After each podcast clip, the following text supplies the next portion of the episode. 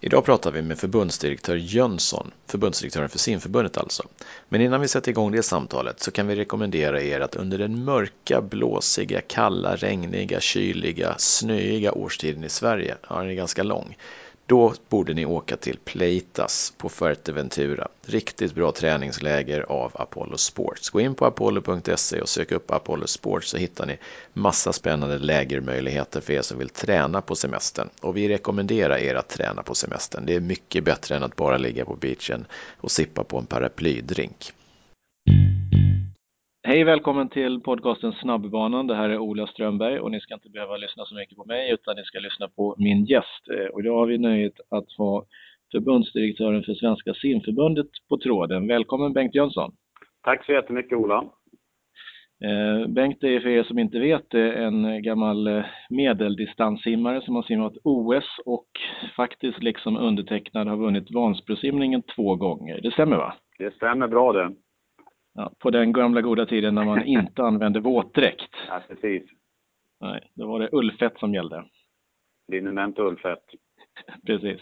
Om vi hoppar rätt in i, i, din roll som förbundsdirektör. Nu har du aviserat att du kommer att lämna det här jobbet efter sommaren. Vad kommer du ha varit mest nöjd med att ha uträttat?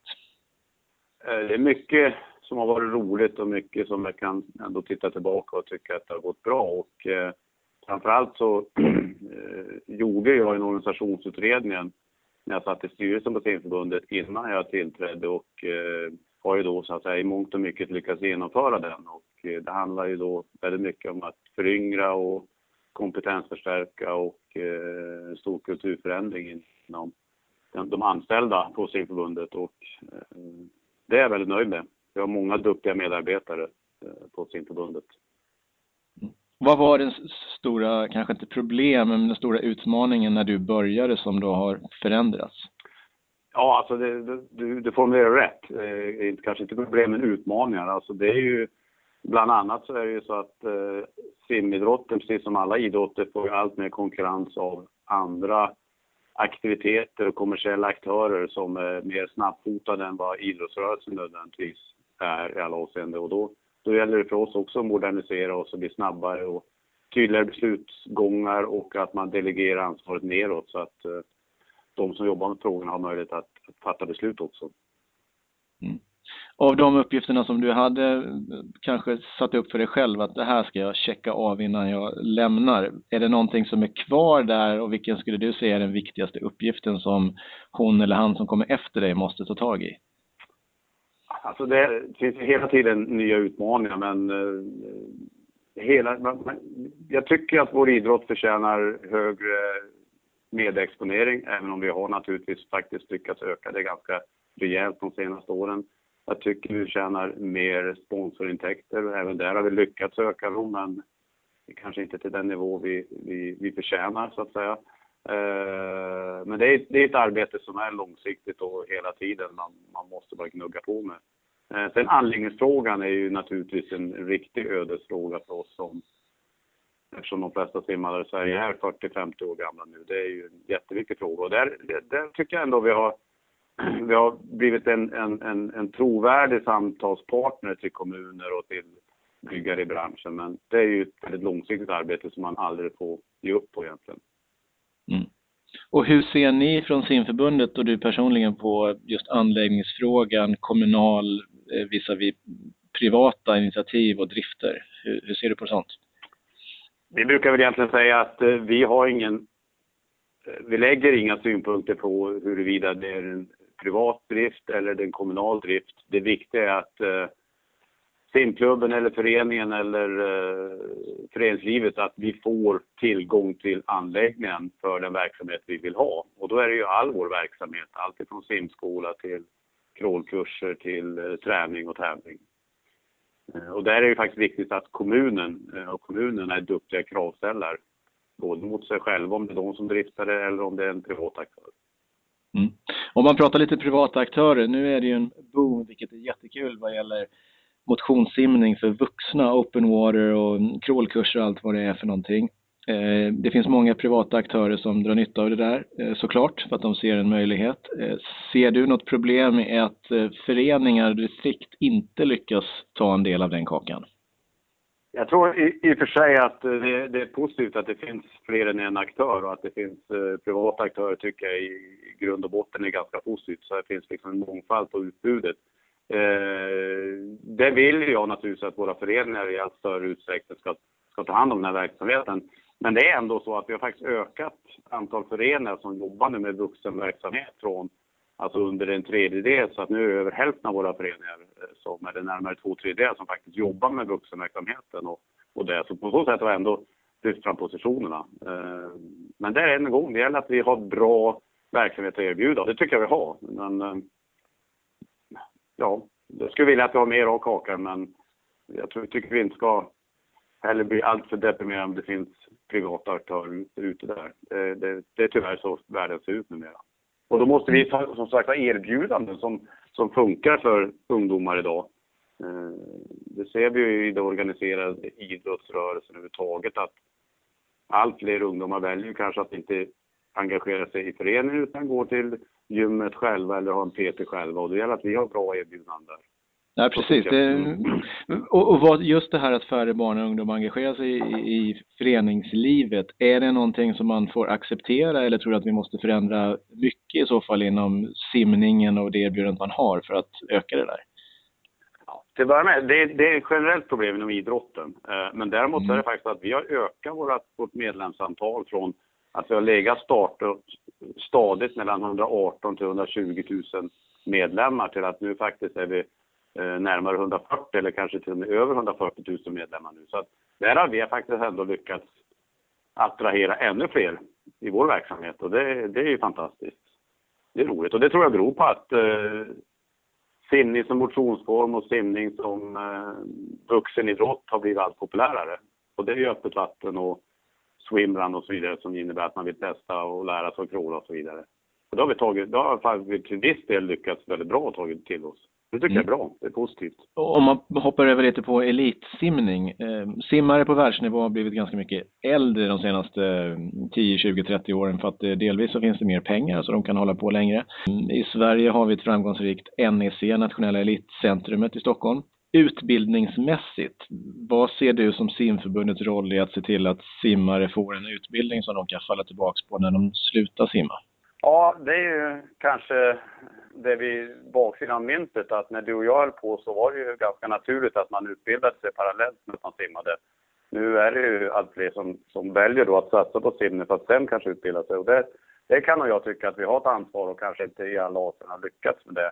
Men vi satt faktiskt idag, jag och Henrik Forsberg, vår sportchef, och pratade just om det nästa, nästa period i NEC. Hur kan man planera träningen och hur kan man försöka erbjuda eh, både utbildnings och arbetsmöjligheter till de simmare som är där på ett bättre sätt. Så det tror jag, vi är, vi är glada över NEC och det har funkat väldigt bra de senaste åren, men jag tror det är en, en del av utmaningen framåt, att kunna erbjuda utbildning parallellt med, med tränandet. Dagens konsumentupplysning. Vill du bli smartare, då är vårt tips att du ska läsa böcker. Du kan läsa tiotusentals böcker för en liten, liten kostnad på inte ens en hundring varje månad från Nextory. N-E-X-T-O-R-Y.se. Nextory.se. Det är ja, typ Spotify fast för böcker skulle man kunna säga. Du betalar en liten summa varje månad och får läsa hur mycket du vill. Du kan dessutom testa det två veckor gratis. Kostar alltså inte en spänn, du förbinder dig inte till någonting. Testa Nextory. Nextory.se, det är dagens heta tips. Och vill du simma snyggare, snabbare, ja då ska du gå in på tyrsverige.se och shoppa loss lite. Perfekt inför öppet vattensäsongen. Du får dessutom 15% rabatt om du använder koden Friends of Ola. Tyrsverige.se om du vill simma lika snyggt som Michelle Coleman och Simon Sjödin. Ja, Lisa Nordén också. Nu tillbaks till Bengt Jönsson. Eh, om man fortsätter prata elit så elitsimning kräver ju en hel del pengar och individerna behöver pengar för att klara sig. De kan få SOK-stöd och liknande. Eh, de kan även få personliga sponsorer och då kan det vara två saker som gör att det blir lite svårt att få personliga sponsorer. En sak har du redan nämnt och det är att man simningen syns kanske för lite mot vad resultaten så att säga berättigar till att synas eh, medieexponeringsmässigt. Eh, och den andra delen kan vara att det finns vissa restriktioner på hur man får synas med personliga sponsorer. Om man börjar med första delen, just medieexponeringsmässigt. Hur ska man lyckas få ut simningen ännu mer? Finns det några, några lätta delar? Ja, alltså till att börja med sa väl jag att eh, vi får inte den exponering vi förtjänar, men vi har ändå lyckats väldigt bra de senaste åren och fått ut mer. Och det är ju, det har Ann Hammar varit väldigt duktig med och att man försöker skapa intressanta stories och skapa tillfällen när media får träffa våra aktiva. Eh, och det eh, både på träningsläger och eh, innan tävlingar och så vidare. Så det, det, tycker jag ändå vi jobbar. Man ska vara proaktiv mot, mm. mot media idag så att säga och försöka möta dem på olika sätt. Och ett annat sätt med media är naturligtvis att man tar idrotten in till stadskärnorna. Och det tycker jag att vi i samband med SM-veckan de senaste åren har lyckats. Eh, dels att simningen ofta är huvudidrotten på SM-veckan, vilket gör att vi får en väldigt bra inramning där. Eh, och sen att vi kan ta in beachvattenpool och öppet vatten in i stadskärnorna i Halmstad eller Borås eller Sundsvall. Det är ju strålande sätt att visa vår idrott. Och det tycker jag är ett väldigt bra exempel. Att man, man tar idrotten dit in i stadskärnan där människor finns istället för tvärtom. Om man pratar privata sponsorer eh, för simmare så som mm. man kanske har det i vissa andra idrotter. Mm. Hur, hur kan man från simförbundets del hjälpa till så att simmare kan skaffa egna sponsorer som tycker att det är värt att synas eh, på de här simmarna? Ja, det där är en stor utmaning och där, har vi ju, där är vi tyvärr, tyvärr en del av en väldigt konservativ eh, världsidrott. Simning är ju väldigt konservativ. Det är ju bara att titta på, på dräkterna som simmarna har. Alltså du får ha en leverantörssponsor, du får ha en, eh, en sponsor och det är allt du får ha. Eh, och det innebär enorma begränsningar på att kunna exponera fler sponsorer och skapa fler intäkter. Och det, det kan man bara jämföra med din nya idrott skidor som har ju oerhört mycket mer flexibla eh, lösningar så att de kan ha både, vad, vad jag förstår, både privata sponsorer och nationella sponsorer i betydligt större omfattning än simidrotten. Där har vi jobbat internationellt. Vi har, vi har motionerat och eh, argumenterat eh, länge, över tio år, mot FINA eh, och Lena att man måste öppna upp de här reglerna. Tyvärr har vi inte lyckats med det. Och då är det tyvärr att det finns ju ganska hårda begränsningar runt vad man får ha på sig i mästerskapen. Eh, vi försöker, eh, när, vi, när vi har diskussioner med nya sponsorer och nya partners, att eh, också hitta sätt att de kan teckna hängavtal eller liknande med individuella simmare. Och i vissa fall har vi lyckats med det, till exempel med Coca-Cola där de har avtal med Simon Sjödin och Michelle Coleman och det är vi väldigt glada över. Men tyvärr är det en begränsning i simidrotten att det är konservativa regler runt vad man får ha på sig i internationella mästerskap. Och man blir bestraffad om man inte följer dem. Du nämnde Coca-Cola där. Vår gamle, eller gamle, ja, gamle stjärnsimmare Lars Frölander är inte jättepositiv till att simförbundet har ett avtal med Coca-Cola. Han tycker att det rent ut sagt är för jäkligt, även om man kanske inte svär. Eh, ser du några problem med avtalet med Coca-Cola?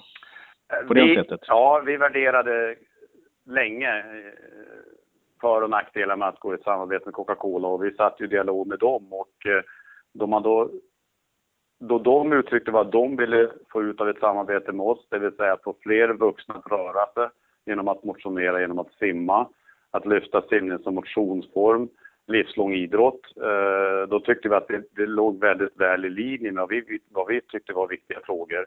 Eh, dessutom var de inte heller eh, i första skedet alls intresserade av att exponera sitt varumärke Coca-Cola utan hellre jobba genom simmasverige.se. Så att sammantaget, jag förstår att det finns olika åsikter om det här och det har jag full förståelse för. Men jag tycker att eh, vi har ingenting att skämmas över i vårt avtal med Coca-Cola.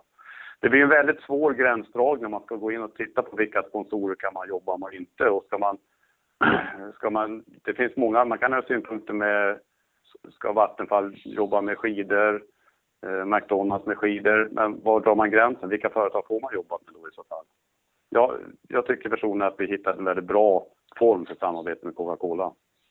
Om man pratar sponsor, eh, H&M är sponsor till eh, SOK. Det har varit en del diskussion om att de också har rätten att eh, ge så att säga, tävlingsdräkter. Finns det någon risk att det kan vara, om det nu är en risk, eh, att man måste simma i H&M baddräkter på OS? Eh, H&M har rätten till att utnyttja den möjligheten. Eh, mm. Och SOK har så att säga lämnat över den rätten Eh, och, och SK har ju haft den rätten många, många år. eh, och det nya avtalet med H&M som är väldigt, eh, väldigt mycket attraktivare än tidigare så har de rätten att utnyttja det här. De kommer inte att utnyttja det om inte de kan erbjuda tekniskt sett exakt lika bra dräkter för det får ju inte på något sätt hämma den aktiva eh, insats och där har ju de kommit till bedömningen att eh, simdräkter kan de inte erbjuda. Så det kommer fortsätta simma i, i, i de dräkterna som förbundet har som sponsor eller de dräkterna som simmarna har som sponsorer? Vad väljer man där? Förlåt, vad sa du? Vill, och, och, är det upp till simmarna själva att avgöra då vad de simmar i? Eller Nej, är det... Det, är, det, är ju, det är ju simförbundets sponsor då, Arena, som gäller. Mm. För det finns ju vårt avtal med Arena. Att om inte SOK utnyttjar sin rättighet så är det ju eh, är det Arena som är den rättigheten. Om man pratar svensk simning och klubbar. Det, det finns ju ett par stora klubbar som har dominerat eh, ganska kraftigt de senaste tio åren. Och tittar man på eh, poänglistorna så är det Neptun och Helsingborg som alltid har varit framme i topp 1, 2, 3, 4, 5. Och sen har du Väsby som har varit i topp ett tag och, och Lass. Finns det någon risk med att man har några få klubbar som dominerar så här mycket? Ja, det är klart att det vore, det är väl alltid så att det vore bra om det fanns fler klubbar spridda runt i Sverige som har en stark eh, både bredd och elitverksamhet. Och eh, det tycker jag är olyckligt att till exempel Göteborg inte är lika starka nu som de var för, eh, på vår mm. tid. I alla fall på min tid. Jag vet inte hur det var på din ja. tid, Ola. Ja, ja. och, och Skåne också känner man ju vore, har ju också kanske tappar lite mark. Så att jag tycker absolut det vore väldigt hälsosamt med med fler bra klubbar. Sen har ju både Neptun och Helsingborg väldigt bra verksamheter och det är vi ju naturligtvis tacksamma över.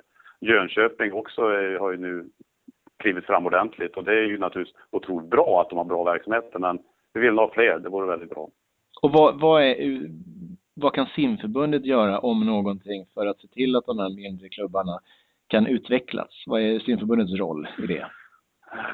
Ja, det är ju vad vi, vad, vi, vad vi jobbar hela tiden med det är ju att försöka stötta klubbarna med, i deras verksamhet. Både vad gäller att vi har bra pedagogiska verktyg som simlinjen. Att vi har möjlighet att söka medel för olika typer av projekt via Idrottslyftet. Att vi har en personal som kan stötta föreningsutveckling på olika sätt. Att vi har bra tränarkonferenser med bra innehåll som gör att eh, tränarna kan förkovra sig. Eh, Ja, det är väl bland annat de sakerna. Jag har säkert glömt någonting. Men... Om man jämför Sverige med andra länder, hur duktiga är vi inom simning? Du har ju erfarenhet av att varit med ett tag och du sitter även i SOK så du kan kanske jämföra på så sätt också med andra idrotter. Vad är svensk simning bra på? Ja, till att med så har vi ju, det är ändå fantastiskt och det säger väldigt många eh, när man pratar med de som inte är så insatta i simning, att simning har liksom under många, många år, 40-50 år, lyckats hålla sig på en hög nivå. Och vi har egentligen hela tiden med några svackor här och där haft stora starka profiler. Så det är väl en sak, att det blir ingen tvekan om att, att eh, simningen i Sverige och simidrotten i Sverige håller väldigt hög klass. Och sen är ju då, trots allt får vi säga, simidrotten är ju en jättestor global idrott som blir allt större. Jag tror att det är närmare 200 länder som är med på ett VM nu, eller 190 någonting. Och det är klart att då blir det tuffare och tuffare. Men jag, vad jag tror vi har som är bra, det är att vi har en bra träningsstruktur. Vi har många, eh, vi har faktiskt också väldigt många anställda i svensk simidrott jämfört med många andra individuella idrotter. Och det är en styrka, för då får du eh, en kontinuitet och du kan utbilda våra ledare och tränare. Och det är också i en internationell jämförelse så, så har vi det bra ställt på det sättet. Vi har relativt starka föreningar, även om naturligtvis man ska önska att de är starka. Men vi har relativt starka föreningar och vi har många eh, anställda inom svensk idrott. Att jämföra till exempel med friidrottsorientering som vi sitter tillsammans här på Heliosgatan med. Där har vi betydligt fler mm. anställda. Vi har över 400 anställda i idrott. Och de har kanske 50-60 stycken i de idrotterna. För att synas lite mer så kan internationella simmästerskap vara ett sätt. Finns det någon möjlighet att få internationella simmästerskap till Sverige eller är vi för dåliga på att betala för oss om man säger det på ett snällt sätt? ja, till att har vi faktiskt tagit en strategisk inriktning att vi vill ha ett nytt stort internationellt mästerskap till Sverige. Okay. Eh, och då, då pratar vi långbane-EM eh, eller långbane-VM. Men där är det väl mer realistiskt ett långbane-EM. Eh, och där är det faktiskt så att det sista långbanemästerskapet vi hade i Sverige, det var i Jönköping 77. Det sista mm. kortbanemästerskapet var ju 97 i Göteborg. Och båda de två mästerskapen byggde ju en ny generation toppsimmare.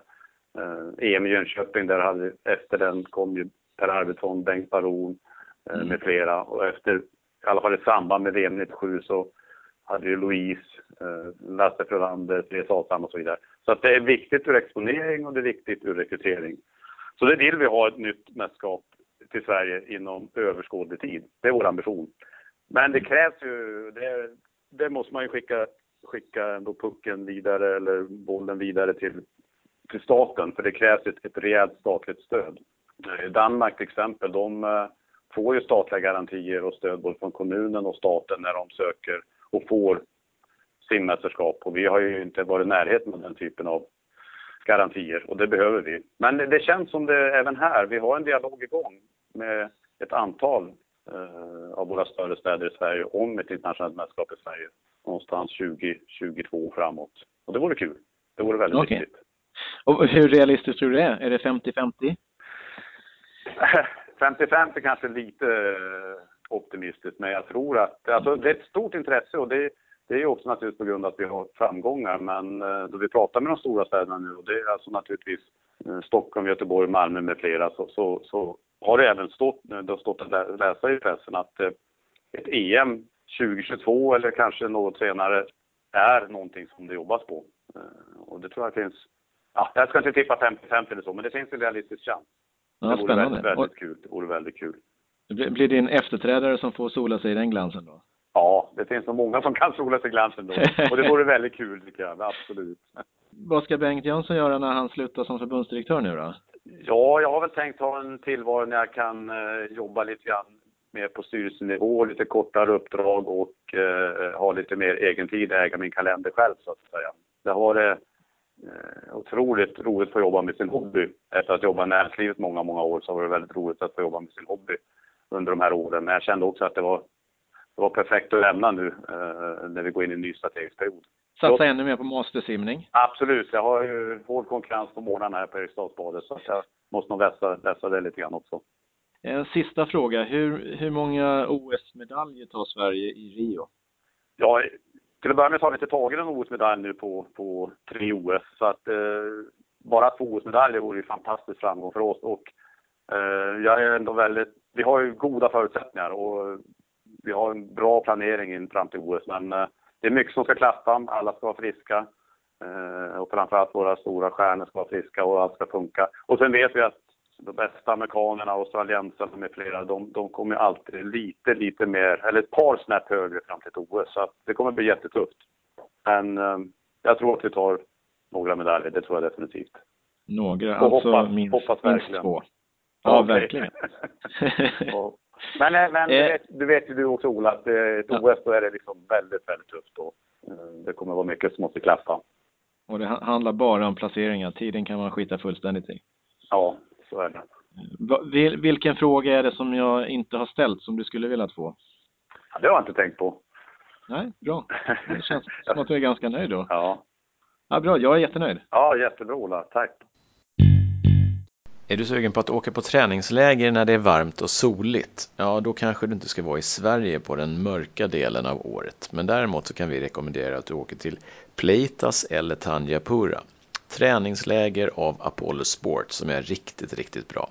De är dessutom partner till Svenska Olympiska Kommittén, så det är, ja, man kan säga certifierat av riktiga atleter att där är det bra att träna.